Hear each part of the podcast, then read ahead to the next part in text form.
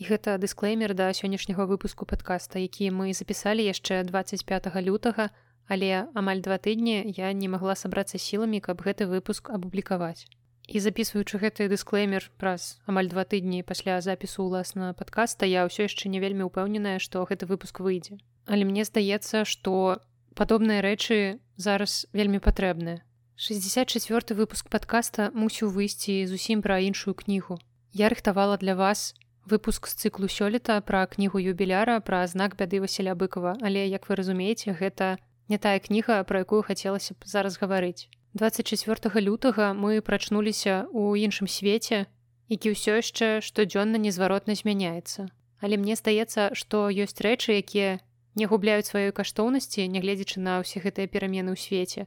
І адна з такіх рэчаў гэта культура Таму пакуль ты можаш займацца сваёй дзейнасцю, пакуль ты можаш несці культуру ў масы, ты мусіш гэта рабіць. Я вядома ж магу зараз казаць пра тое, што мой падкаст не палітычны. Але гэта поўная бясглуздзіца, таму што я займаюся кнігамі. Я чытаю кнігі і я расказваю пра кнігі вам. А кнігі гэта такая рэч, у якой ёсць усё. У кнігах ёсць усё жыццё і у тым ліку там ёсць і палітыка. З-за таго ж мы жывём у такой краіне, у якой размаўляючы пэўнай мовай, ты ўжо выказваеш сваю палітычную пазіцыю. І мы жывём у такія часы, калі немагчыма сказаць, што ты па-за палітыкай. Я ніколі не любіла кнігі пра вайну. Я заўсёды свядома абмяжоўвала сябе ад такой літаратуры, у якой апісваліся гераічныя ўчынкі, баявыя дзеянні, мужнасць людзей падчас вайны. Таму што я ніколі не бачыла ў гэтым сэнсу. Гэта тое, што заўсёды вельмі моцны выклікала ўва мне супраціў таму што я не разумела як гэта можа быць нармальным і як людзі могуць атрымліваць задавальненне ад ваеннай літаратуры у маім успрыманні вайна ніколі не была чымсьці нармальным і тым больш я не думала што гэта тая рэч якую я калі-небудзь змагу пабачыць на ўласныя вочы яшчэ пры сваім жыцці. Але жывучы на свеце ўжо 28 гадоў я магла на ўласныя вочы назіраць тое як рыторыка мірнага неба змянілася на рыторыку можам паўтарыць.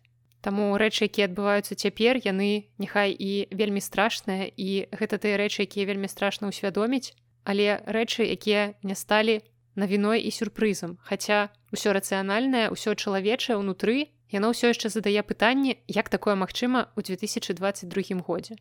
У дзяцінстве нам чыталі казкі і адной з галоўных думак, якая сустракалася ў гэтых казках было тое, што дабро заўсёды перамагае зло. Я не псіхолог, але жыццёвы досвед мне даў зразумець, што сіла, якая выступае за штосьці, яна мае больш шансаў на перамогу, чым сіла, якая выступае супраць. І менавіта тыя людзі, якія знаходзяцца на сваёй зямлі, якія змагаюцца за сваю зямлю, за сваю будучыню, мусяць перамагчы у той час як акупант выступае не за штосьці ён выступае супраць. Супраць міфа супраць нейкіх эфемерных паняццяў якія яны прыдумалі самі сабе. Супраць эфемерных нацыстаў эфемерных бандераўцаў і мы знаходзімся ў сітуацыі калі ўсе злуюцца усе выказваюць сваю агрэсію і гэта натуральна. І горшае што вы можете цяпер рабіць гэта апраўдвацца.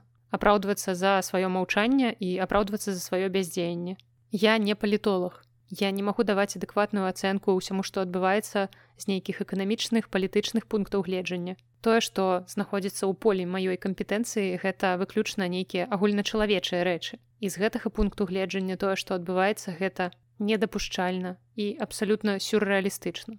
Але я думаю, што кожны з вас і так гэта разумее, калі вы слухаеце мяне, я думаю, што вы падтрымліваеце гэтую пазіцыю. Я шмат чытаю кніг, якія звязаныя з чалавечай псіхалогіяй або будовай чалавечага мозгу і тым, як усё там уладкавана. А таксама чытаю шмат літаратуры па крытычным мысленні і менавіта гэта моцна мне дапамагае з тым, каб не ўвязвацца цяпер у нейкія бессэнсоўныя спрэчкі. Таму што я ведаю, што амаль немагчыма вось так проста пераўпэўніць чалавека, які мае кардынальна іншыя погляды, які знаходзіцца з таго боку барыкад і зусім не плануе змяняць сваю пазіцыю якой бы абсурдна яна не была. Я думаю, што кожны з вас хоць раз быў у падобнай сітуацыі і адстойваў свае прынцыпы, адстойваў тое, у што ён верыць. І дадам яшчэ, што пакуль у вас ёсць магчымасць займацца любімай справай і калі гэта дапамагае вам спраўляцца з трывожнасцю са стрэсам, з нейкімі нервамі, то рабіце гэтую рэч. Для мяне падкасты гэта акурат адна з такіх рэчаў і напішыце мне ў каментарях, калі ласка, наколькі яны патрэбныя зараз вам Таму што я раблю ўсё гэта не для сябе Я хачу працягваць вам расказваць пра кнігі, бо як я ўжо казала, у любой сітуацыі рэч, якая ў нас застаецца, гэта культура. Я не блогер, не інфлюэнсер, не лідар меркаванняў і не той чалавек, які мае нейкі вялікі ўплыў. Таму я не думаю, што хтосьці будзе ад мяне чакаць нейкіх выказванняў на палітычныя тэмы, асабліва ў межах гэтага падкаста. Таму мне проста хацелася б далей расказваць вам пра добрыя кнігі, Напрыклад, зрабіць падборку цудоўнай украінскай літаратуры, якую вы ў мяне даўно прасілі. Цяпер для гэтага, як мне здаецца, найлепшы час. Ну а выпуск, які вы пачуеце далей, які мы запісалі 25 лютага, гэта выпуск пра кнігу, якая акурат падыходзіць да нашай сённяшняй сітуацыі. Гэта кніга пра тое, што, нягледзячы ні на што, дабро заўсёды перамагае зло. Гэта факт, які мы ведаем з глыбокага дзяцінства. Гэта рэч, якая ўкладзеная нам у галаву якая сапраўды працуе. Таму спадзяюся, што камусьці ўсё яшчэ рэлевантна слухаць пра добрыя кнігі. І няхай нават такіх чалавек будзе няшмат, але я буду працаваць для вас. Дзякуй, што паслухалі гэту вельмі важную для мяне частку, ну а далей уласна пяройдзем да 64 выпуску падкаста, у якім мы гаворым пра добрую кнігу. Вітаю, я Наста, а ты слухаеш Белліт, падкаст пра кнігі і каля кніжныя тэмы. І сёння са мной перакладчык Сергей Матырка, у якога летась выйшаў пераклад кнігі нямецкага пісьменніка Отфреда Пройслера крабат. І сёння мы пагаворым пра гэтую кнігу. Таксама вітаю ўсіх, дзякуй Наста, што ты мяне запрасіла з такой цудоўнай для мяне тэмай. Спадзяюся, што слухачам не дадакучыла моя асціплая асоба. Калі прывязваць крабата да сённяшняга дня то можна сказаць што ў нас з вами ёсць вельмі добрая нагода пагаварыць пра гэтую кніжку а менавіта ўсё звязана з тым што год таму калі быць дакладным 23 лютага э, выйшаў беларускі пераклад э, просьла крабат у маім перакладчыцкім выкананні. Вось. І таму мы пачнём з такога пытання абсалютна заканамернага як з'явілася ўвогуле ідэя выдаць гэты пераклад. Гэта была твая ідэя або вось выдавецтва нушкевічу якім выйшла гэтая кніга яны замовілі табе гэты пераклад. Ідэя нарадзілася ў мяне вельмі вельмі даўно. Трэба сказаць што гэта адна з маіх улюбёных падлеткавых кніг. Здаецца я ўжо пра гэта недзе казаў я ўжо магу забывацца. Усё пачалося з таго, што я на некаторых э, перакладчыцкіх семінарах, э, калі ўдзельнічаў, Э, хтосьці сказаў што было б круто калі б вось, вось гэтая кніжка выйшла по-беларуску і ў мяне адразу там спрацаваў у галаве трыггер. Окей гэта ж моя улюбёная кніжка чаму я напрыклад не працую з ёй? Э, на той момант я напрыклад працаваў тады э, з янашам. Вось гэта кніжка которая выйшла не так давно год Мабыць таму у выдавецтве галіяфы. Цудоўная краіна панама так ах якая цудоўная краіна панама. Э, не ў маім перакладзе у перакладзе іншай перакладчыцы. Але пасля гэтага семінара я такі пераключыўся і для сябе пачаў перакладаць яго. Тады пераклаў некалькі раздзелаў і потым гэтая справа неяк заглохла. Але моя любоў да гэтай кніжкі не заглохла. І потым э, калі ўжо выйшаў Э, мой пераклад эрвіна мозара неверагодныя гісторыі на дабранач у выдавецтве хацелі далей працаваць э, з нямецкамоўнымі кніжкамі але не ведалі з якімі. Эрвін мозар разыходзіўся ну добра і хацелася таксама знайсці якога-небудзь такога ж э, цудоўнага аўтара якога б полюбілі беларускія дзеці чытачы подлеткі дарослыя ну неважна.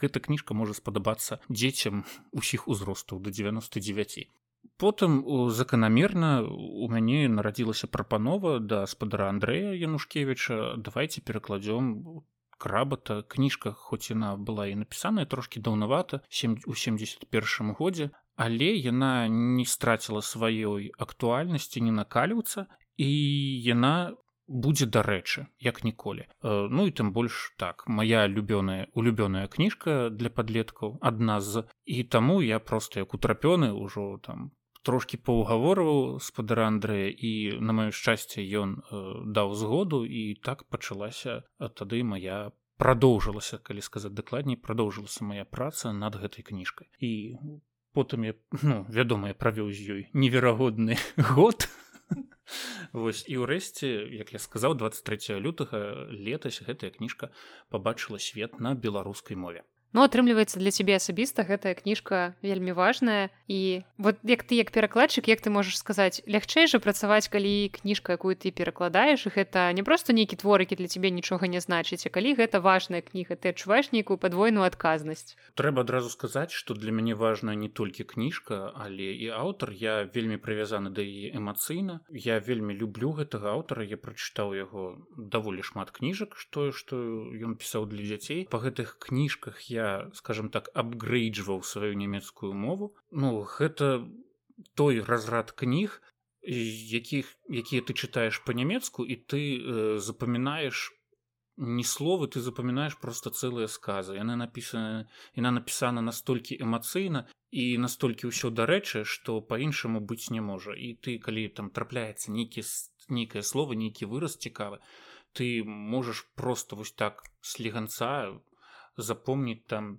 вельмі вельмі вялікі кавалак тэксту он просто адпячатваецца ў тваёй памяці і застаецца з табой на вельмі працяглы час. Таму тут вялікая любоў да крабаты да творчасці от фреда пройслера. Калі ўжо вяртацца да твайго пытання наконт ці адчуваў я вялікую адказнасць калі перакладаў так такое пачуццё адказнасці было таму што трэба прызнаць кніжка стылістычна яна вельмі вельмі так дасканала вывераная і да яе трэба было ставіцца вельмі сур'ёзна калі там ну, перакладаючы гэтую кніжку трэба было прыняць цэлы шэраг рашэнняў. І ну гэта заўсёды вось лунала над тваёй галавой над маёй галавой калі я перакладаў. Таму што ну гэта ну гэта застанецца. І хацелася каб эфект які гэтая кніжка робіць на нямецкага чытача каб яна таксама ну прыбліжаны эфект рабіла і для беларускага чытача.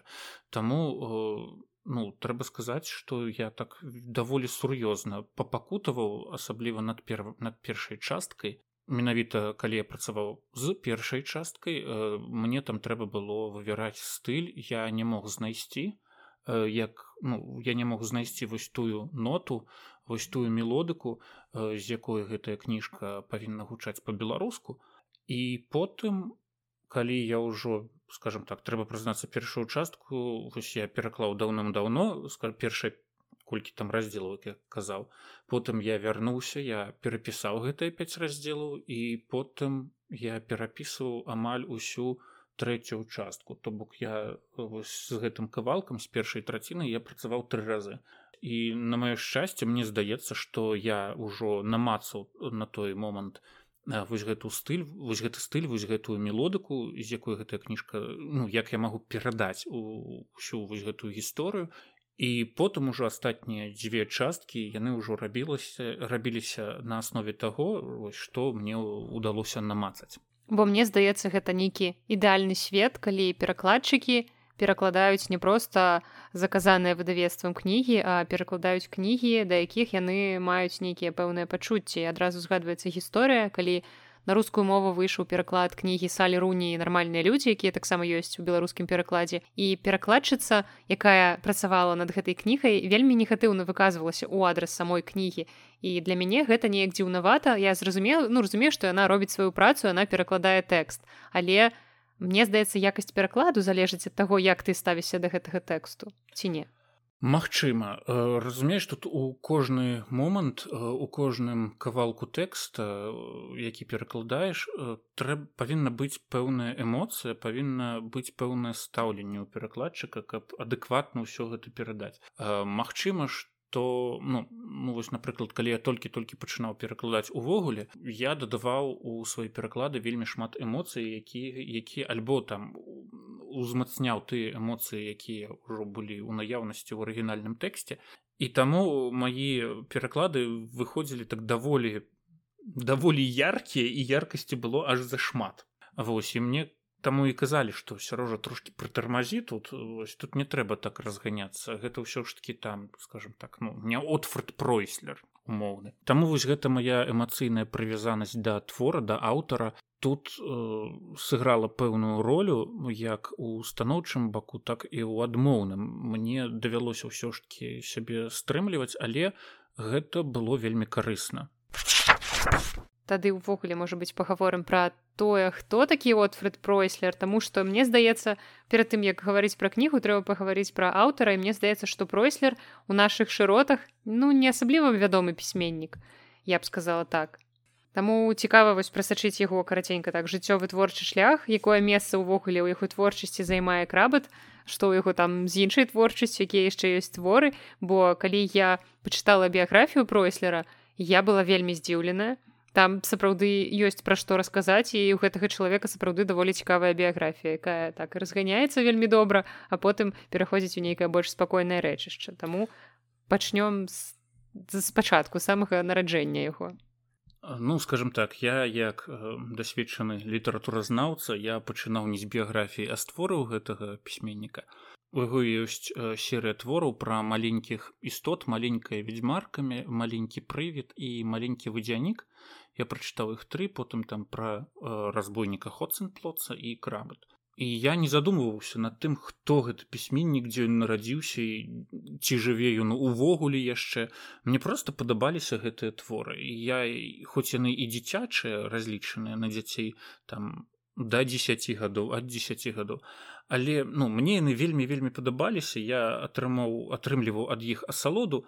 І як бы отфорд пройслер маладзец але хто ён такі і што сябе уяўляе ну гэта заставалася недзе па-за маёй гісторыі а потым калі я ўжо пачаў перакладаць э, крабата гэты пункт не павінен быў заставацца па-за маёй гісторыі і мне давялося пазнаёміцца з яго біяграфіяй.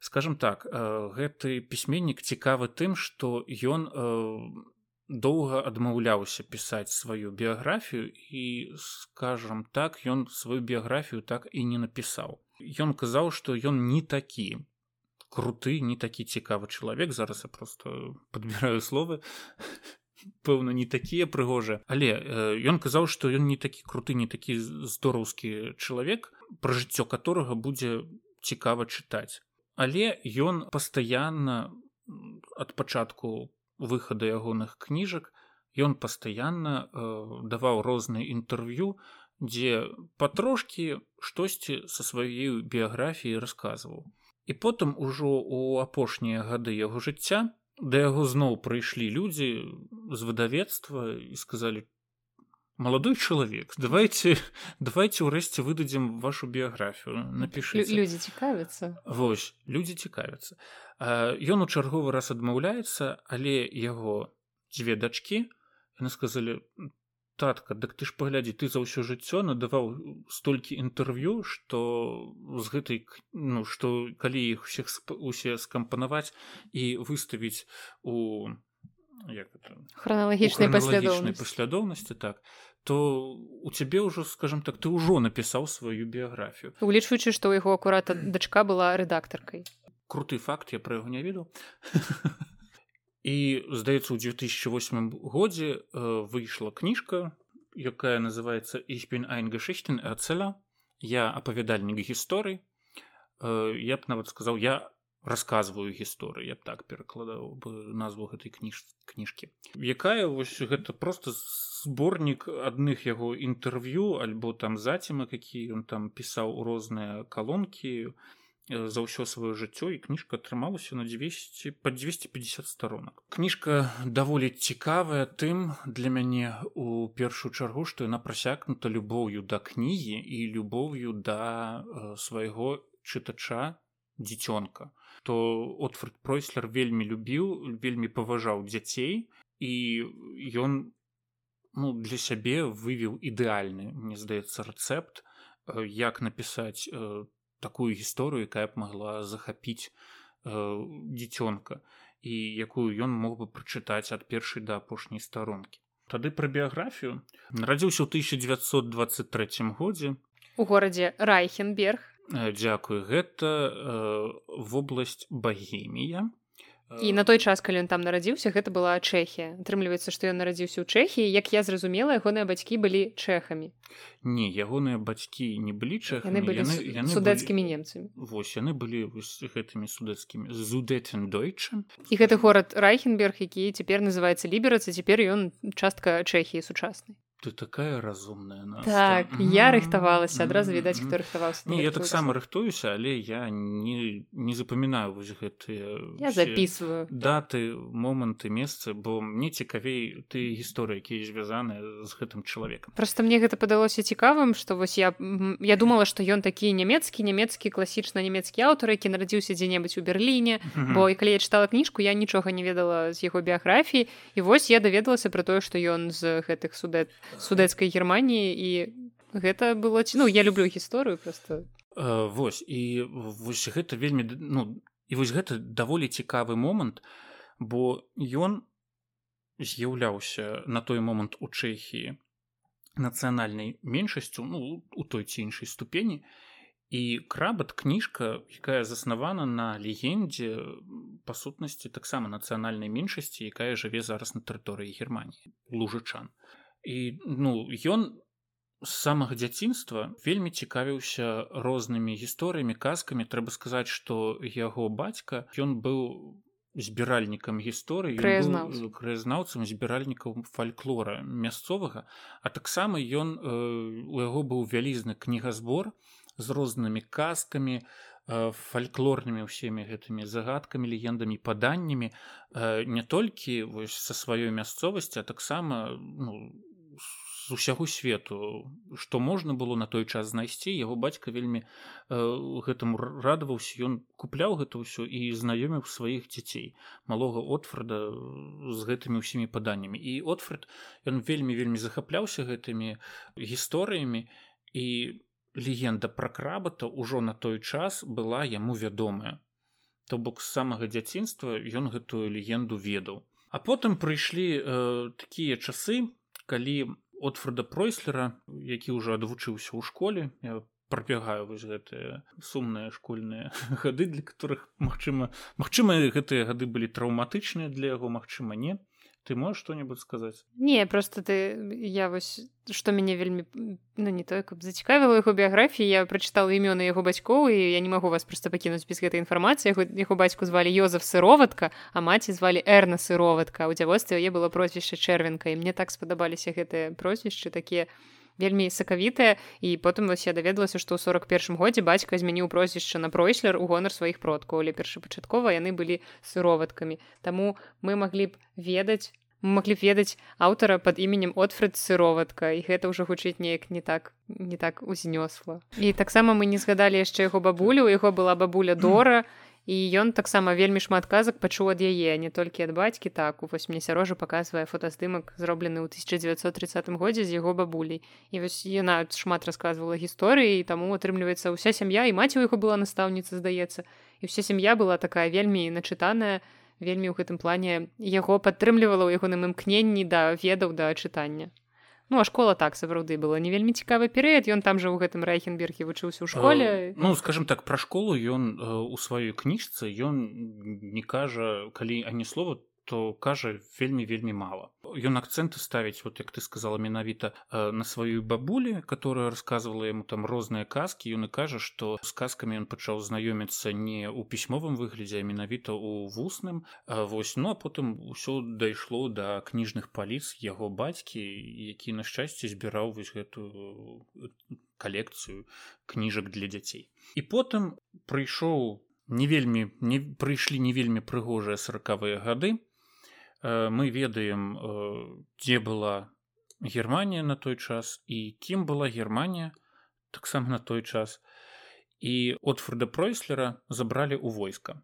Даслужыўшыся да звання лейтенанта яго адправілі э, на, на вайну і ў сорок четвертым годзе яго савецкія войскі ўзялі ў палон у рум на тэрыторыі румыніі і адправілі яго у лай у лагера у казань. Ой у казань у татарстан.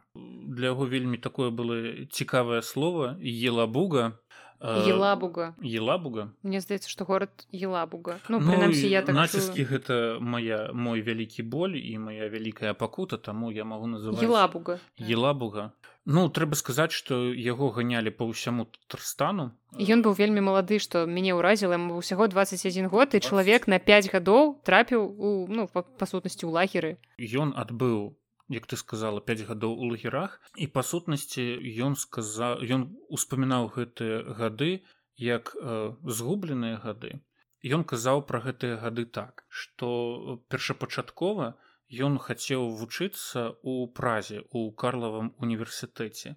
Але гітлер і сталін перакрэслілі ўсе мае жыццёвыя планы. Як следства я правучыўся 10 семестраў за савецкім калючым дротам таксама называе прадметы якія давялося яму там павучыць мне гэта просто вельмі спадабалася я хачу каб свет ведаў пра гэтыя прадметы якія ён э, там скажем так здаваў жыццёвыя мне гэта нагадвае просто я записывала выпуск пра владимира дубоку які 30 гадоў правёў у розных лагерах і ён таксама там расказваў пералічваў гэта не, не называў так прыгожа метафарычна прадметамі ён просто пералічваў скажем так прафесій якімі яму давялося за той час авалодаць. І гэта быў просто шэдаўральны спіс. Мне мне страшно было ўяўляць таму вот я зараз баюся гэта слухаць ну таксама гэта вельмі вельмі цяжка чалавек вось па сутнасці калі сабе ўявіць школьнік які ўвесь час захапляўся гісторыямі кніжкамі который быў так скажем ён любіў нямецкую мову я цікавіўся который цікавіўся мовай літаратуры прадметамі вось а яго адпраўляюць на 5 гадоў у лагеры. На 5 гадоў яго адпраўляюць у лагеры. І гэта канешне вельмі сумна што за 5 гадоў яму давялося развітацца з усёй гэтай прыгож з усёй гэтай мовай і літаратурай і гуманітарнымі прадметамі да которых ён імкнуўся. У лагерах ён пахудзеў да 42 кілаграмаў. Як он кажа я важыў 42 а, у мяне было 42 кілаграм жывой вагі і ну гэта было канешне цяжка сабе прадставіць гэта просто шкілет Ну ён расказваў што шмат хваробаў было. Яго брушны так. тыф малярыя. Вось да гэтага я так таксама зараз хочу падысці. Але зараз згадаем тыя прадметы якія давялося яму вывучыць падчас свайго знаходжання падчас свайго навучання на працягу 10 семестраў. Ён выдзяляе тры прадметы. Першы прадмет гэта элементарная філасофія. Элементарная філасофія заключалася ў тым што са сваімі аднакамернікамі таксама э, з ахоўнікамі. Яны маглі пагаварыць ну на зусім такія простыя элементарныя тэмы бо на ўсё астатняе у іх не хапала здароўя у першую чаргу. Яны ну прыходзілі пасля прац яны валіліся альбо за працай. Таксама яны маглі пагаварыць пра штосьці такое простае. Вось як яны як он піша наш ахоўнік он навучыўся толькі аднаму нямецкаму слову раух пауза гэта ну перакур. Вось гэта вся элементаршчына філасофстваванне як у нас кажуць філасофстваванне на кухні альбо бытавая філасофія. Вось гэта быў адзін з прадметаў які які якому навучыўся пройслер. Таксама такая такі прадмет э, практычнае чалавеказнаўства. То бок яму таксама трэба было падчас свайго знаходжання ў лагерах э, знайсці падходы не толькі для да сваіх сукамернікаў а таксама да чалаве да людзей рускага паходжання.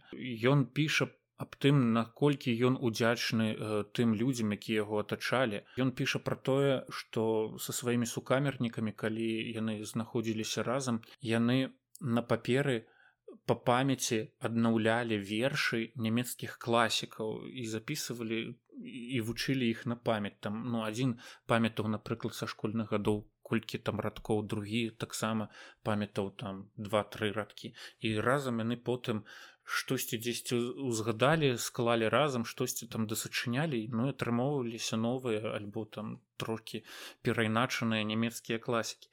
І трэці э, прадмет які яму давялося вучыць гэта быў гэта была руская мова. Рускую мову ён вучыў таксама ад тых э, людзей які яго тачалі ён называе жанчыну фрау Андреева, которая яго лячыла. І э, там была такая гісторыя, звязаная з гэтай Андреевай, звязаная з тым, што ну, ён захварэў на брушны тыф, як ты сказала. І калі яго адправілі на візіт да гэтай дамы, яму сказалі: рабі што заўгодна, але не трапляй у лазарет, бо з лазарета ніхто не выходзіць. А ён тады рускай валодаў не так добра, ён баяўся просто пачуць вось гэтае слово лазарет ён кажа што усе сядзеў як бы што разумею што не разумею і малюся абы толькі не пачуць вось гэтае слово лазарет на шчасце яго туды не адправілі. І дарэчы я пасля таго як прачытаўшы крабата пачытала біяграфію пройслера мне многае вельмі ў рамане стала зразумелым.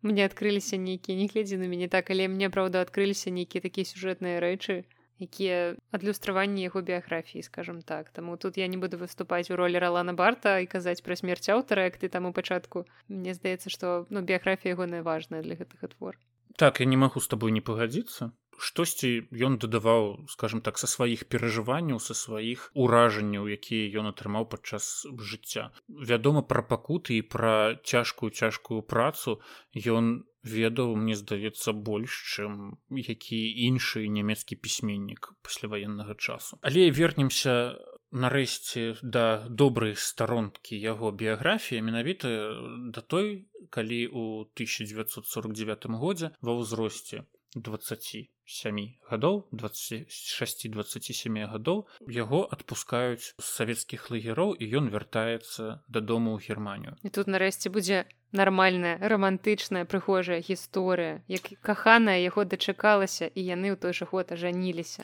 так гэта просто романтик story самае что не на ёсць і у іх нарадзілася тры дачкі але перад гэтым яшчэ трэба сказаць что яго забралі ў лагеры а яго дзяўчыну і яго ўсю сям'ю выгналі з баеміі і яны ўсё эмігравалі ў баварыю ў германію. І яны ўвогуле яны не бачылі адзін аднаго вельмі шмат гадоў і яны не ведалі жывы не жывы не жывы і яны не ведалі нават дзе чалавек жыве. І ён успамінае ў сваёй кніжцы э, першую сустрэчу пасля лагероў са сваёй каханай. Калі ён просто на хаду выскачыў э, у сцягніка гэта быў горад розенхайм. Там стаяла яна ён я называе моя дзяўчынка яна была апранутая у дзірндль ведаеце что такое дзірн нейкі нацыянальны касцюм гэта нацыянальны нямецкі касцюм нават болей ён баварскі вось бачылі ну гэта вось стандартная э, нямецкая клетачка сіняя не?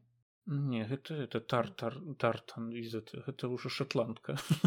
Не ну просто я баварскі сцяг згадаю ну ж блакітненькі такі сіні дзірндль гэта вось ну такія ну я не ведаю хрыстаматыйнай фатаграфіі дзе дзеўка такая стаіць з актоберфеста так з актоберфеста і яе там на руках надетыя ручки то ручки гэтых э, келихаў з півам яго дзяўчынка чакае яго на пероне апранутая у дзірндль і з ружай у руках. І вось яны сустрэліся там ну здаецца галівуд нават не здымаў нічога падобнае нічога падобнага яны сустрэліся на пероне і больш ужо ніколі не расстацца. У 49 годзе яны жэняцца, у іх нараджаецца трое дачок. Рэната, Рэгіна і Сюзанна. І вось Рэгіна была акурат рэдактар жонку, жон, жонку як звалі. А жонку я не ведаю, як звалі, я не падрыхтавалася ліс.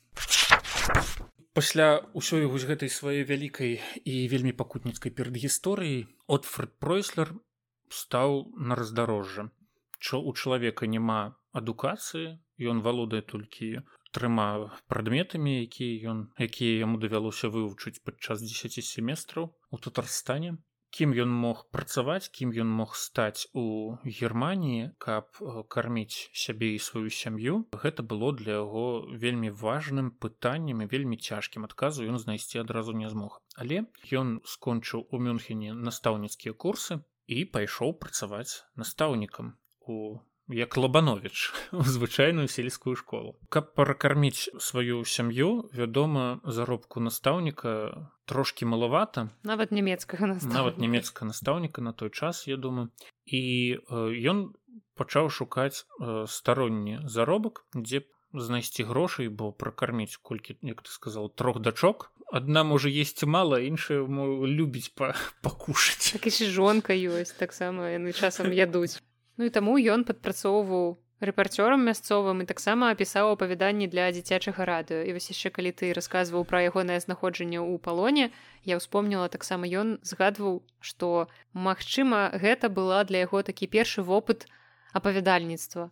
Бо ён расказваў гісторыі нейкім сваім ну сулагернікам і атрымліваецца што падрыхтаваўся да таго з чым звязаў сваё жыццё далей. Ты ўсё кажаш правільна але э, я хочу расказаць як ён прыйшоў увогуле да ідэі працаваць на радыё працаваць э, з пісьмовым словам у яго тры дачкі і гэтых трох дачок ему трэба было укладываць спаць. А яны вядома не хацелі класціся спаць. Стандартныя дзеці. І ён тады пачаў расказваць ім розныя гісторыі прыдумляць. У той мясцовасці ў багеміі дзе яны жылі там у іх былі вельмі папулярныя гісторыі пра вадзянікоў але э, багемія гэта не баварыя. У багеміі там ёсць балоты ёсць азёры а ў бавары ну рачулкі ручаі і як бы гэта не тыя месцы дзе звычайна жывуць вадзінікі. Але ён такі падумаў Окей у мяне будуць жыць вадзінікі у бавары у якім-небудзь ручуку і ён пачаў расказваць э, вось гісторыю пра вадзініка тату вадзініка маму і э, пра іх маленькага сыночка. І гэтая гісторыя на вельмі вельмі захапіла яго дачок што на наступны дзень яны у сказали тата мы идем класціся спаць давай нам рассказывай працяг і ён на хаду пачаў просто прыдумляць пачаў там прыдумваць розныя прыгоды вось гэта менавіта маленькага вадзяніка тата вадзяніка мама вадзяніканы уже адышлі на задні фон. І потым ён вырашыў гэту гісторыю запісаць. Ён я запісаў але штосьці не вязалася. Стыль не клаўся словы нейкія не тыя падбіраліся і ён урэшце вырашыў гэтую гісторыю чытаць сваім вучням малым у школе э, на уроках па нямецкай мове. Прыкінь. Каб у нас на уроках па беларускай мове якая-небудзь беларусіца чытала гісторыі які яна сама сачыніла ну нам на парах па замежнай літаратуры Андрей хаданович выкладчык чытаў свае пераклады рознай класікі сусед Ну гэта не так круто ладно пагаджаюся. Ладно мне ніхто нічога не чытаў на парах і, і на уроках. І ён ужо скажем так адтачыў свае вось гэтыя кароткія апавяданні на сваіх вучнях апробаваў і ён зразумеў знайшоў менавіта той стыль які будзе падабацца большасці дзяцей і менавіта ў такім выглядзе ён адправіў гэтую кніжку ў мюнхенскае выдавецтва. Ну мюнхен горад на той час для яго недалёкі але ну недалёкі ў плане адлегласці добраудакладненне але выдавецтва яму адмовіла. Ну тады ён выбраў другі горад который быў трошки далёка але не так. Гэта быў горад штутгард і гэта было выдавецтва к. Тінеман і э, яны прыслалі яму сваю згоду так мы будзем гэтую кніжку выдаваць. Э, яны папрацавалі з рэдактарам кніжку выдалі і ў тым жа годзе гэтая кніжка атрымала нобелеўскую прэмію скажем так у галіне дзіцячай нямецкамоўнай літаратуры. Яна атрымала э, прыз спецыяльны прыз нямецкай маладзёжнай кніжнай прэміі ў 1956 годзе я гэтую прэмію перакладаю іначай там яна стала лепшай кнігай для дзяцей і юнацтва что-то такое. І э, на наступную раніцу ён прачнуўся знакаміта. І дзякуючы менавіта гэтаму прызу ён пачаў ужо адыходзіць ад э, выкладання і ён цалкам ужо аддаў сябе пісьменніцтву. і ён пайшоў працаваць на радыё мясцовае ён пісаў радыёп'есы пастаноўкі яго пастаноўкі таксама яго былі скажем так міні-серыялы як мы гэта цяпер можам назваць калі ён пісаў адну адзін сюжэт на працягу года там напрыклад героі яны перажывалі усе вось гэты калаварот нямецкіх святаў разам з нямецкімі дзецьмі і гэта ўсё транслявалася на радыю і ну, мела пэўны поспех. Потым э, пайшлі э, наступныя творы якія таксама э, былі вельмі папулярныя. Маленькі прывід і маленькая вядзьмарка я іх ужо называў. З усіх гэтых трох кніжак мне вельмі падабаецца маленькая вядзьмарка яна не банальная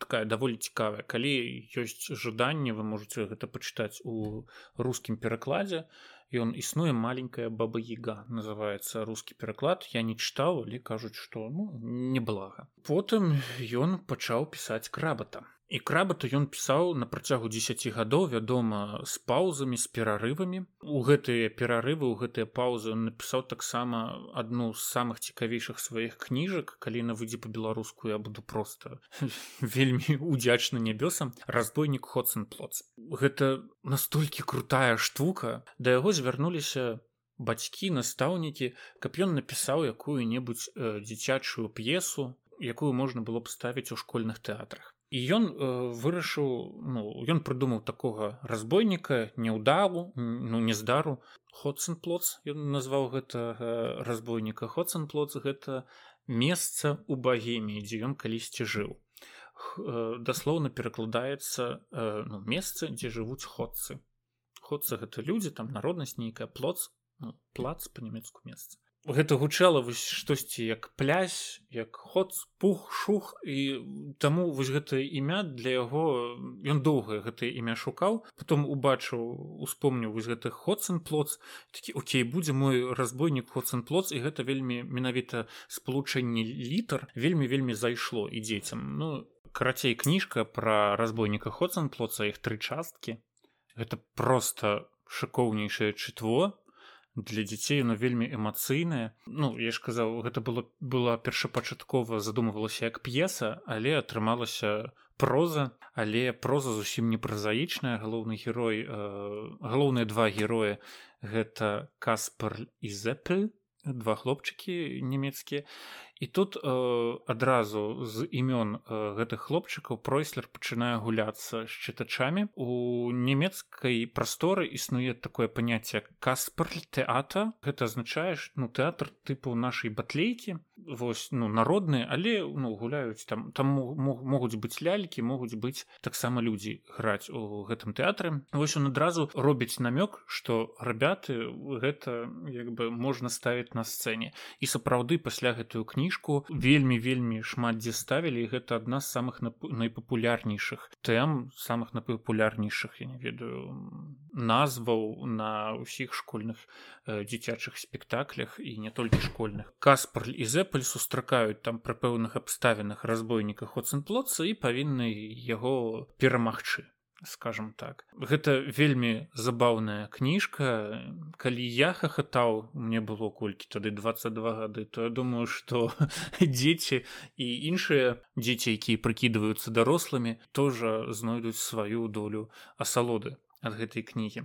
Паўтаруся тры часткі і гэта вельмі круто крутое вельмі крутое вельмі забаўнае чытво. Першая частка разбойніка хоцен плотца была напісаная ў прамежках паміж э, ну калі пройслер працаваў над крабатам а астатнія былі ўжо напісаныя крыху пазней. Потым выйшаў крабат і гэта стаў сапраўдны хіт пройслер зноў атрымоўвае прэмію за лепшую кнігу для дзяцей і юнацтва. Калі не памыляюся гэта быў 1971 год.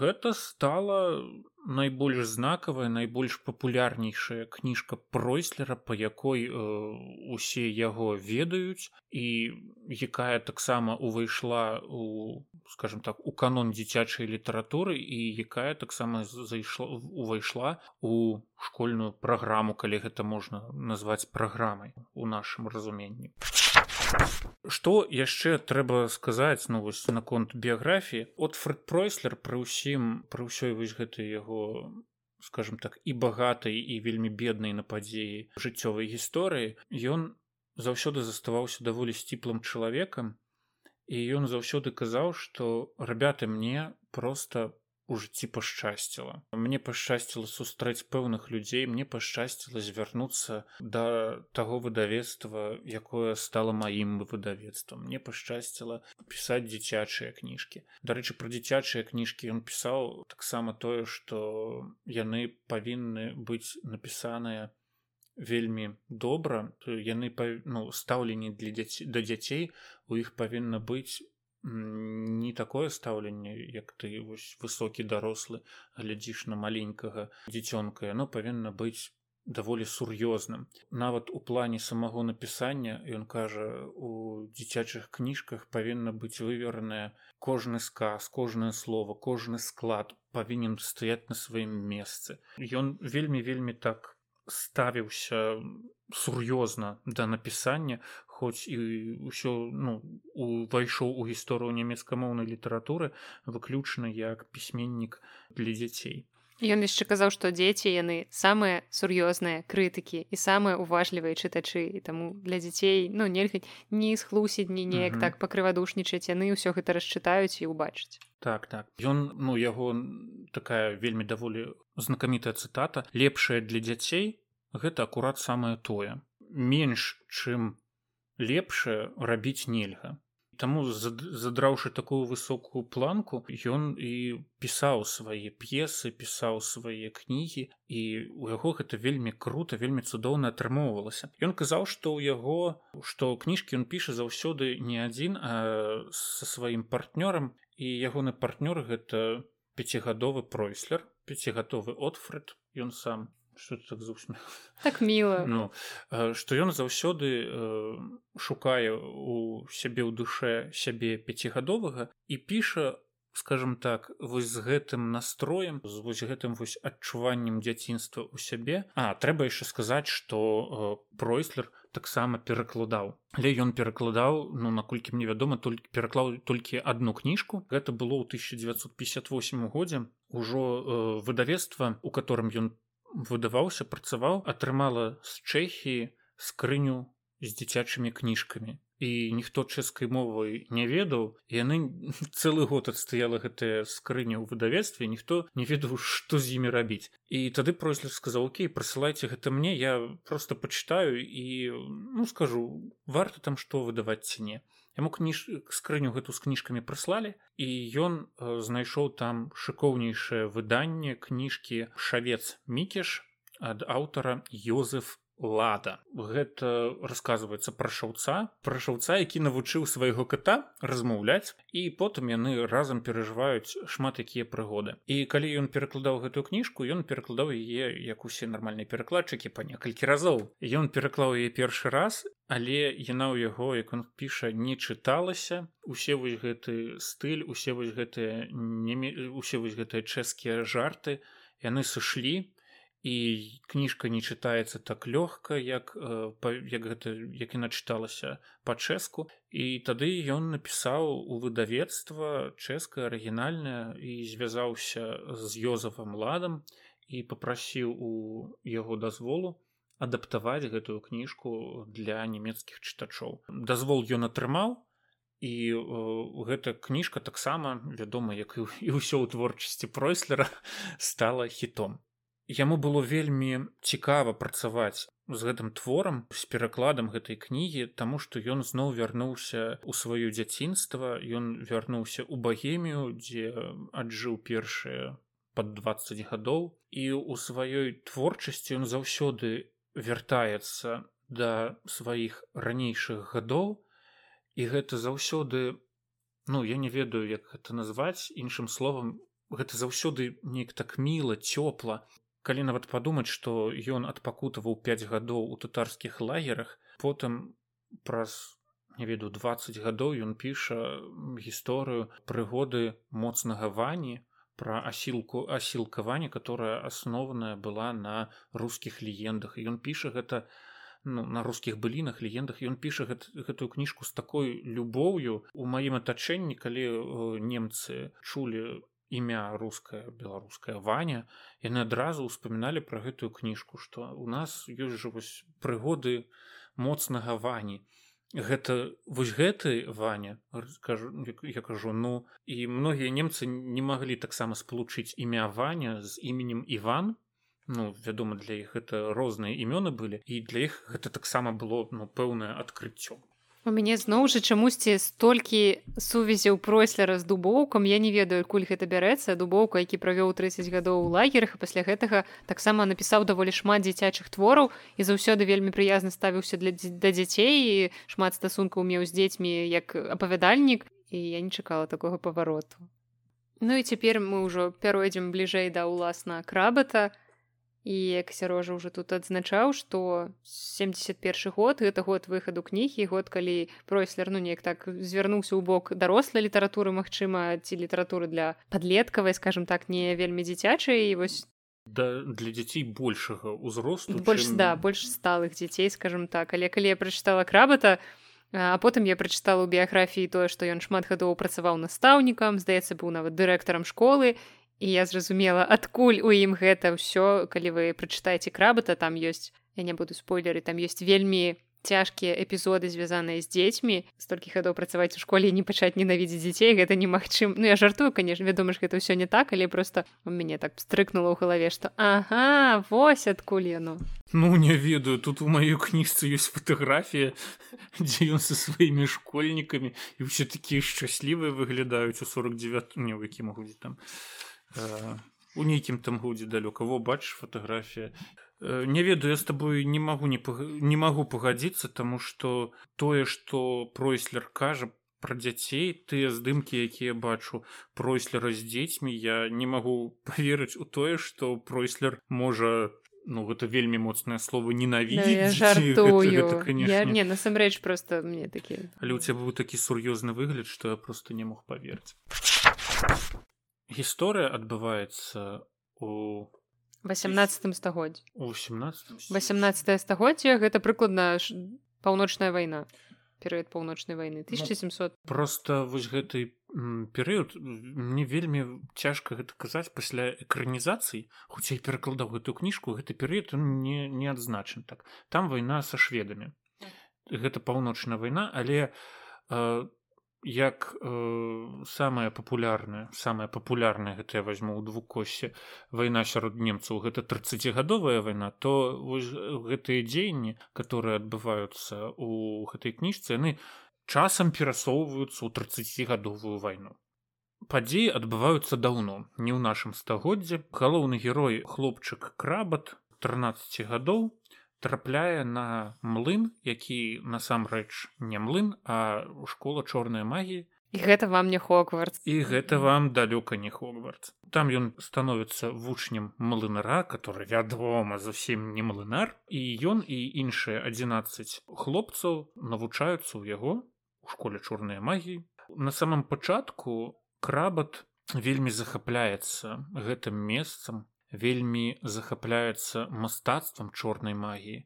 Але у пэўны час ён разумее што цана якую яму трэба заплаціць за валоданне гэтым мастацтвам яна вельмі высокая і яна вельмі скажем так нават нечалавечая. Ён вырашае збегчы з гэтага млына але збегчы таксама не вельмі проста. І калі казаць у двух словах гэтая кніжка пра тое як лёгка ступіць на бок цемры як бы па ста па старворсаўскі гэта не гучала вельмі лёгка ступіць на бок цемры але выйсці на святло гэта вельмі вельмі цяжкая справа. І калі я чытала гэтую кніжку мне праўда падалося што гэта вельмі дарослы твор і вельмі метафарычны тому што ну як ужо Сергей пісаў гэта навучанне хлопца які трапіў да ведьзьмара ён у захапляецца гэтымі цёмнымі змрочнымі сіламі а толькі потым ён разумее што з ім здарылася і мне здаецца што для пройслера гэта нейкая такая асабістая гісторыя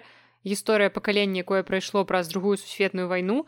І гэта гісторыя многіх маладых людзей такіх як пройслер якія трапілі ну можна сказаць пад уплыў спакусы улады нейкай неабмежаванай улады і яны заблыталіся ў гэтым і каму як не пройслеру які праз гэты прайшоў пра гэта ведаць вось ну прынамсі я расчытала такія сэнсы і дарэчы ўжо пасля смерці знайшлі раннія літаратурныя спробы пройслера дзе ён напісаў гісторыю у стылі хітлер юхенду як было напісана так гэту гісторыю можна вядома трактаваць з пазіцыі расчараванага у нямецкага пакалення у сваёй нямецкасці скажем гэта так у, у сваім дачыненні да фашызму але яна чытаецца гэтая гісторыя вельмі проста яна чытаецца вельмі цікава і вельмі ну я не ведаю я з захапленнем чытаў гэтую гісторыю першы раз па-нямецку. Я вось гэтыя штукі ты іх ну вось як ты сказала іх заўважаеш не адразу толькі калі пачынаеш там праводзіць пэўныя паралелі штосьці такое можа вырысавацца. Вось калі я прачытала яго біяграфію і асэнсавала што гэта можа быць так. Бо калі чытала ну сапраўды не пра гэта не думаеш. Калі чытаеш не ведаючы нейкай вось гістарычнай часткі. Вось але тут не трэба забываць два факты. Тое што гэта ўсё ж таки старая лужацкая легенда. І другое тое што пройслер пісаў гэтую легенду 10 гадоў перапісваў Мне здаецца гэта было даволі цяжка падступіцца да гэтага знайсці адпаведныя словы выпрацаваць адпаведны стыль мелодыку знайсці. Тут таксама трэба было мне здаецца трэба яму папрацаваць каб ўсё ж таки захавалася вось гэтая лужыцкасць каб гэта адначасова чыталася э, з цікавасцю нямецкімі дзецьмі каб яны там не занураліся ў штосьці такое ну, не ведаю акадэмічнасць нейкую каб гэта не заставалася там легендай са зборніка там этнаграфічнай экспедыцыі у лужацу паўтаруся гэта вось гэта вось выпісанасць выпрацаванасць гэтай кніжкі складала даволі такую вель... значную цяжкасць падчас перакладу.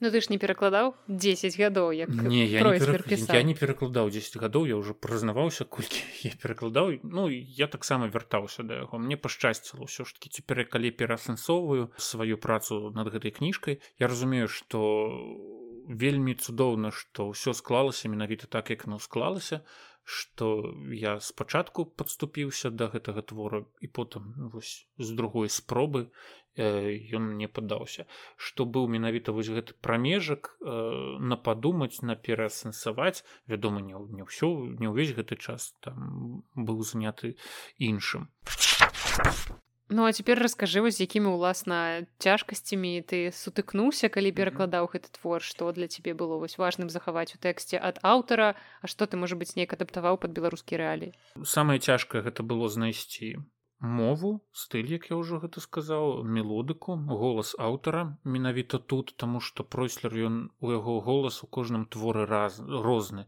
розніца ён ён гуляецца у кожным творы нанова. Можа гэта у яго такое аўтарскае пісьменніцкае развіццё але мне здаецца што ў кожным сваім э, у кожнай сваёй аповесці альбо там іншым творы кароткім доўгім ён ён розны ён вельмі розны. Вось і знайсці менавіта тут э, як гэты голас павінен гучаць по-беларуску гэта было даволі цяжка. Таму што кніжка яна расказвае напрыклад пра падзеі 18 стагоддзя. Але яна расказана вельмі такой простай гутарковай мовай ну што ты не можешь поверыць что гэта ўсё адбываецца у 18 стагоддзе Таму вось знайсці вось гэтую тонкую грань тонкую лінію паміж 18 стагоддзям і сучаснай мовай гэта тут трэба было таксама пачасаць патыліцу. Таксама вялікую цяжкасць у мяне выклікалі рэаліі звязаныя з млынарскай справай. Падзеі адбываюцца на млыне і хоць гэта школа чорнай магіі шыфруецца под млын але хлопцам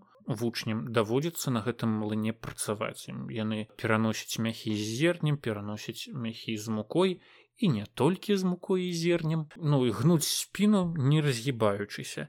І э, таксама там дэталёва апісан апісаныя менавіта ўсе вось гэтыя механізмы э, млынарскія которые там вал ён круціцца там кранае там іншы вал зубцы і потым там жорны як это пажыць млынарскія паставы круцяцца ўсё гэта. Трэба было у мяне рэальна недзе нават захавалася карцінка дзе я там схематычна рысаваў дзе які этот латак жалабок дзе ён знаходзіцца яго функцыі як ён правільна называецца. І з гэтым была вялікая праблема менавіта ў тым што ў нас здаецца млыны таксама стаялі і ветракі і э, вадзяныя млыны як у крабаце і якія яшчэ былі на а у нас нават былі э, млыны якія плавалі на вадзе. Вось на, на рацэ яны як плыт на плыце млын.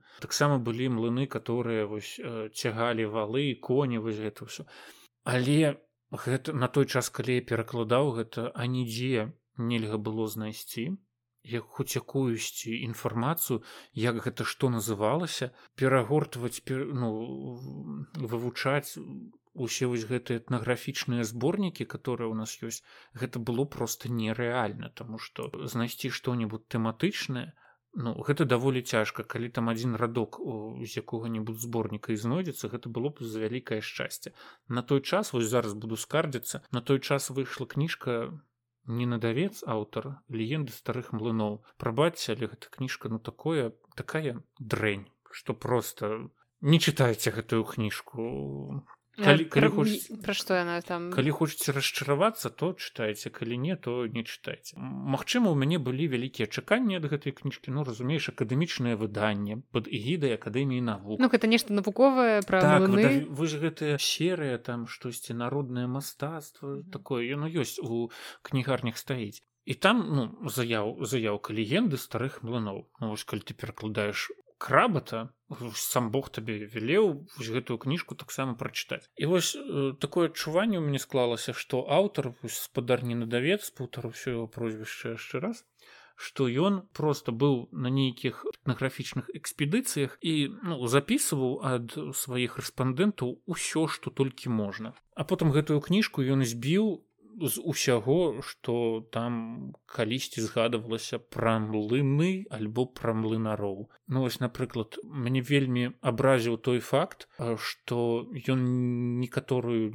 некаторыя легенды ён пераказвае па некалькі раз.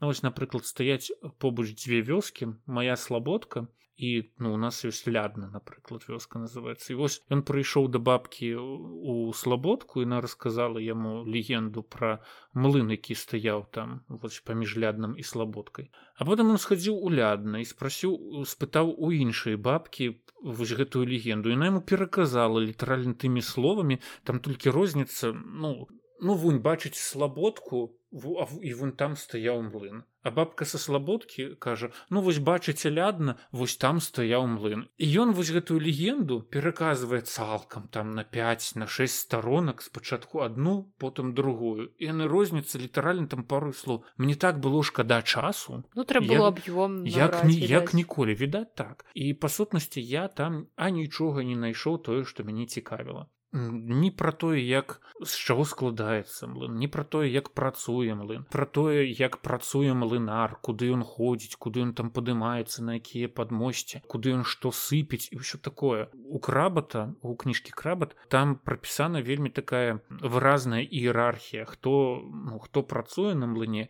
і хто якое месца займае хто каму прыходзіцца вось ну вядома у не у гэтай кніжцы там нічога такого падобнага знайсці было немагчыма. Ну я гэту іерархію таксама перанёс у беларускі рэалі ну назваў як назваў ну людзям здаецца падабаецца. Гэта адна складанасць а іншая складанасць была звязаная з лужыцай з вось гэтым рэгіёнам. Там а менавіта з рэгіянальнымі назвамі гарадоў і мястэчак і вёсак і, і ўсяго чого толькі можна. Напрыклад млын стаіць у месцы якое называется по-нямецку козельбрух і справа ў тым что ну млын на козаль бруху альбо у козаль бруху ну гучыць скажем так складана для ну, калі дзеці будуць чытаць. беларускамоўнага чытача увогуле рускі пераклад яны пакінулі цалкам усе назвы. Я некаторыя назвы перакладаў. Якія назвы можна перакласці я перакладаў. Зараз козаль брух гэта вёска ў германії менавіта ў той мясцовасці.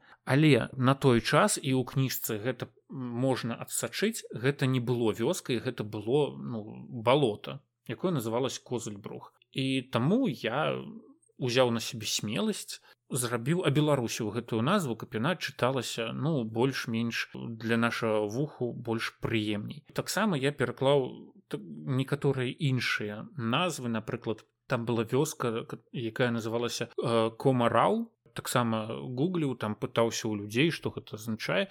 Ну а гэта азначае слова камар Ну і у мяне гэта стала вёска камары Ну яна там адзін раз згадвае згадваецца і яна нічога не, не грае ніякай ролі. І таксама там некалькі іншых вёсак таксама мне давялося папрацаваць перакласці. Вядома такія ўжо значныя гарады я пакінуў у арыгінальных назвах але ну каб вось гэты сусвет быў больш бліжэйшы да нашага беларускага чытача я ўсё ж таки вырашыў перакласці каб яны трошки гучалі по нашанску по-беларуску правільна гэта ці не вырашаць канешне чытачу я вырашыў что для мяне гэта будзе правільна. Як вядома гэта сербалужацкая легенда і яна існуе таксама ў іншым варыянце. Быў такі э, нямецкі сербалужацкі пісьменнік юры брэзан і ён напісаў ён вельмі любіў тэму крабата ён напісаў некалькі кніжак пра крабата у рускім перакладзе іх можна пачытаць чорная мельніца таксама крабат і переваплашчэнне мира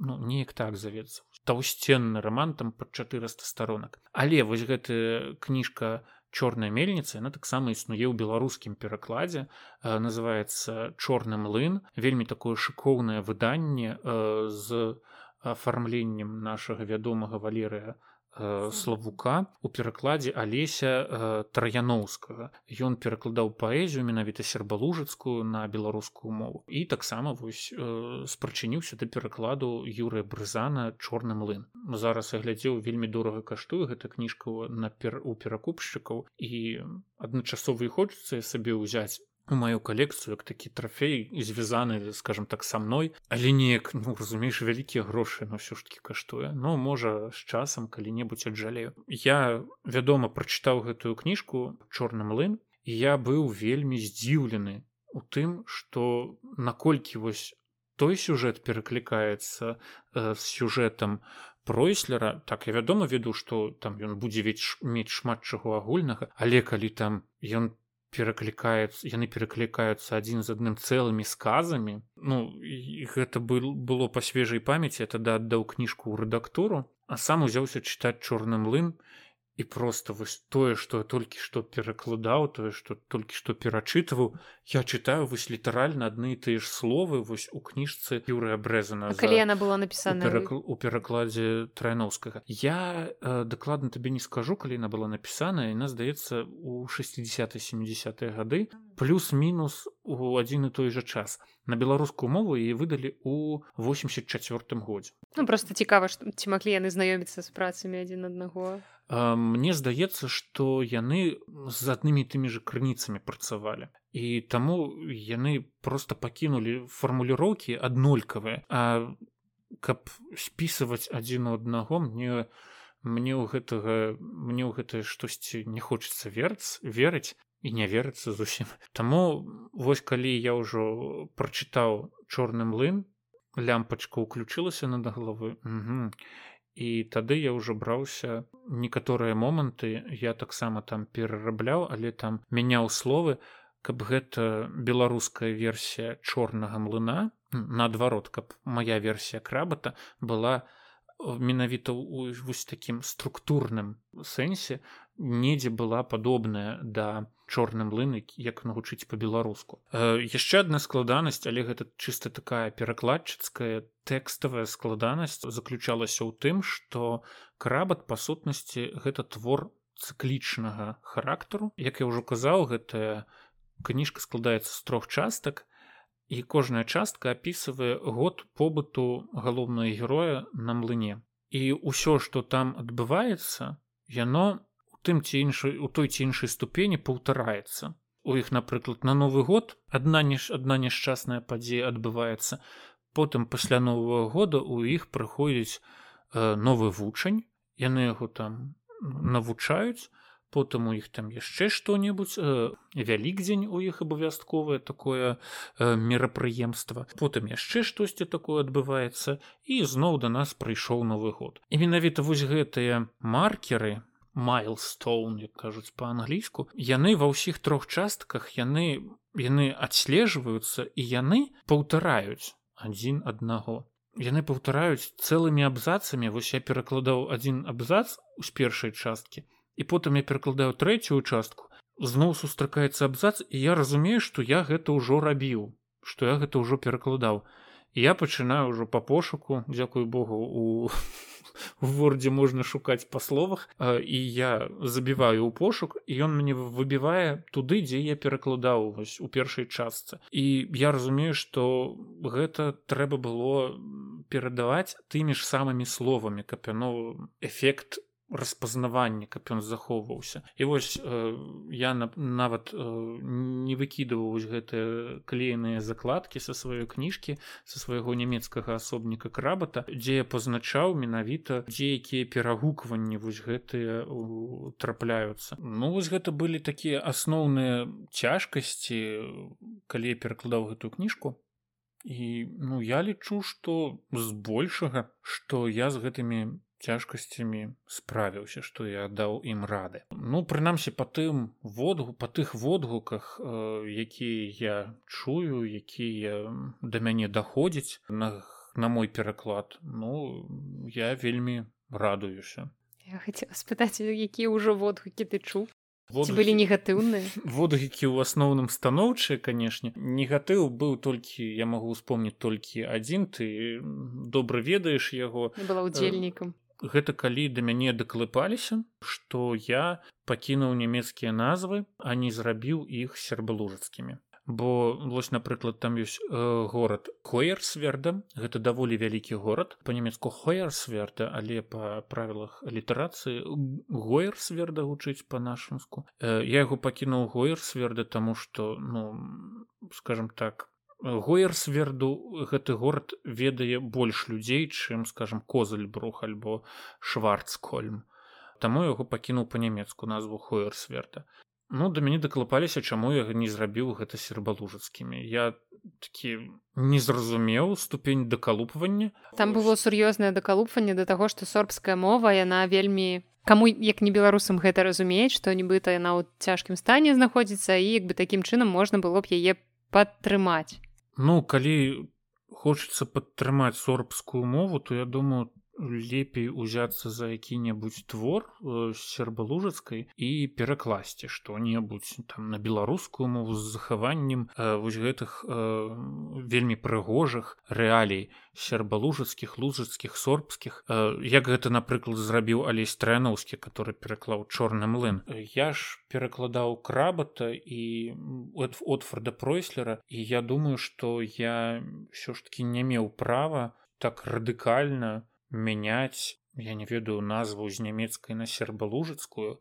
Ну для мяне гэта такое калі не калі не злачынства то такое пас подступства хотел сказать паскудства подступства у бок да аўтара все ж таки яно мае месца быць калі зрабіць гэта так. Калі пройслер хацеў зрабіць яго таким ужо сербалужацкім сербалужацкім то ён бы і зрабіў бы лужыць ну, сам бы пакінуў так так так так. Але ён зрабіў для того менавіта для каб захоўваўся эфект пазнавання ён пакінуў нямецкія назвы. Таксама ён жа і зрабіў рабіў галоўных герояў імёны падбіраў лужацкія менавіта там па народнай легендзе там вядомыя былі толькі два ці тры імёны а астатнія ён браў не тое што з галавы ён ну, вывучаў сербалужацкія крыніцы якія імёны ёсць якія імёны э, ну напрыклад там знаеш э, імя міхал альбо марцін і як напрыклад гэтыя імёны э, могуць гучаць у якой форме для хлопца там 14-15 гадоў. Там той жа самы тонда вось адзін з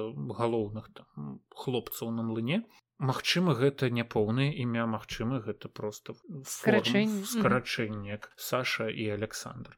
Тут таксама давялося папрацаваць і пройслеру думаю і я у, у гэтым плане я пакідаў імёны як яны былі ў нямецкім арыгінале. Таму з пэўнай павагай да аўтара я ўсё ж таки пакінуў нямецкія моманты нямецкімі момантамі а тыя назвы якія гучалі неяк скажем так асэнсавана я рабіў у некаторых месцах пераклад гэтых назваў каб таксама гучалі. Все ж таки пакла ну калі там ужо казаць сэрцам на далоні то тут э, гэта кніжка можна назваць фэнтэзі. І калі у назвах там гучыць э, якая-нибудь штосьці гаваркое такое што мае сэнс ну гэта таксама не грэх я лічу.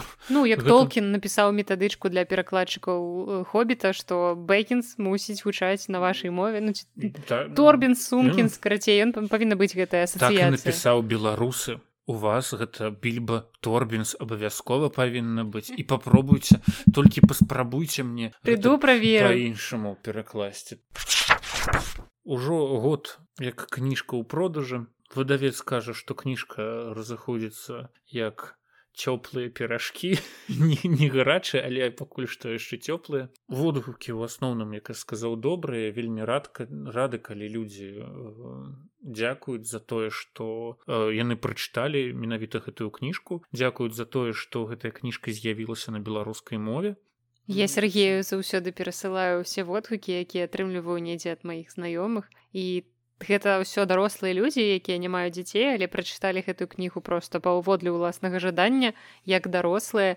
І каментары якія мы атрымліваем звычайна не вельмі цэнзурныя ў тым плане што людзі не чакалі такой скажем жесці ад кнігі не ў нейкім дрэнным сэнсе кніга ім падабаецца але яны не чакалі што яна кажацца думалі што ну зараз я прачытаю такую чарговую казачку фэнтэзійную але святая прастата там все трошки больш складан так што калі вы падыходзіце да гэтай кнігі то крыху ну не только попусціце планку але падрыхтуйцеся до таго что лёгка плане нейкім эмацыйным вам не будзе там ну калі ты прывязваешся да персонажа то тут все будзе як з джорджам мартинам які любіць забіваць людзей ну насамрэч не так жорстка але але гэта ёсць у гэтай кніжцы гэта ёсць. А, я не ведаю я не ўспрымаў. Калі я чытаў я не ўспрымаў гэта вось так вось прям аж так да сэрца блізка блізка мне гэта чыта... сэрца няма? Ну можа няма. На далоні ляжыць. Мне чыталася гэта цалкам нармальна ну не ведаю можа ведаеш пасля я ўжо чытаў гэтую кніжку пасля джорджа марціна пасля ўсёй гэтай чарнухі якая можа закаліўся пасля ўсіх гэтых забойстваў. Ну не ведаю сказаць калі шмат чытаеш то ўжо там просто чырствей чарсцвееш да ўсіх вось гэтых смерцяў калі можна так паспойлераць ну я не ведаю я магу лёгка уявіць сабе што гэтую кніжку можа чытаць скажем так чацверакласнік дзецям дзецям класна заходзіць Суч... гэтая кніжка сучасны чацверакласнік ён будзе чытаць гэтую кніжку з асалодай з вялікім інтарэсам і я просто адразу успамінаю сябе з якім задавальненнем я чытаў казкі братоў грымаў у дзяцінстве просто. А потым нам па нямецкай літаратуры трэба было гэтыя казкі перачытваць я не мог сабе поверыць что что мне гэта падабалася что там э, я не ведаю табе трэба адрэзаць руку свайму лепшаму сябру зварыць гэта там не ведаю з галавой вароны і потым гэта ўсё гэта адвар там сваёй маме наліць каб яна з'ела что? Ну вось гэта ж жесткач ведьмарыкі рабіўся ваўку але ў дзяцінстве просто ну не заўважаеш вось гэтай жесці Таму что і... гэта спецыфіка дзіцячага ўспрымання ім наадварот гэта ўсё цікава гэта так нешта такое забароненае ты адчуваеш что ты дакранаешся да нечага такога змарочнага і і страшнага і гэта кайфова вось таму дзеці любяць чытаць я вот дзяцінстве калі мне вот я не была была недзе ў такім узросце я было дзяцінства Я нарадзілася старое, але дзяцінства ў мяне было і я чытала Стывена Кінга і гэта для мяне была ідэальная чытанка. Мы любілі чытаць вось гэтай ужасцікі стайна. Людзі любяць пужацца. Калі ты чытаеш гэтую кніжку і ты ведаеш, што там страшна, але насамрэч у цябе ўсё нармальна і з табой нічога не здарыцца. І гэтае прыемнае адчуванне лёгкі такі экстрым, але ты, ты разумееш, што цябе адпусціць і таму гэта выдатная чытанка для дзяцей крыху так паказытаць нервы для чацвёртага класа як сказаў гэта вось просто самае то я быў бы шчаслівы калі па маім чацвёртым класе я меў бы такую кніжку яна была па-руску але ну а цяпер настаў час сказаць праўду пра рускі пераклад рускі пераклад гэта на жаль пераказ і вось гэтыя складаныя моманты звязаныя з млыном яны э, там апушчаныя там не будзе опісвацца механізм як працуе млын куды што трэба засыпаць. І мне просто было цікава паглядзець як з гэтай задачай справіўся рускі перакладчык. Э, ну яны справіліся вельмі добра калі просто это ўсё опусцілі карцей у вашым календары як і ў маім можа стаць чырвонай яшчэ адна дата 23 лютага. Вельмі цудоўная нагода каб перачытаць такі цудоўны твор Отфорда Пройслера. Вось і гэта вельмі вельмі круты твор якім я працягваю захапляцца пасля года як я столькіх лет пасля столькіх гадоў. Так всегда. Пасля ўжо года як я адышоў ад яго.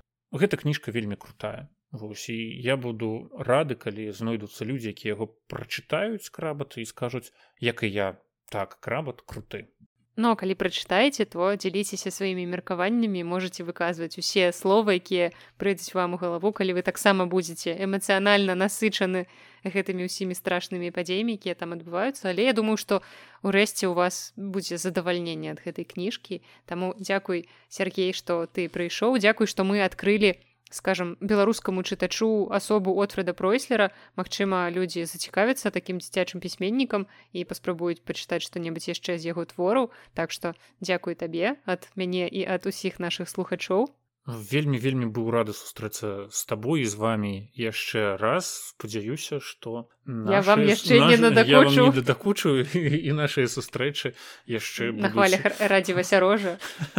Радзівася рожа. Гучыць нормально так. Дзякуй вам за ўвагу на сёння гэта ўсё. З вами была наста і я Сергей матырка не да перакладчыка цытаты вялікіх людзей. Дзякуй за ўвагу. Пачуемся. Да сустрэчы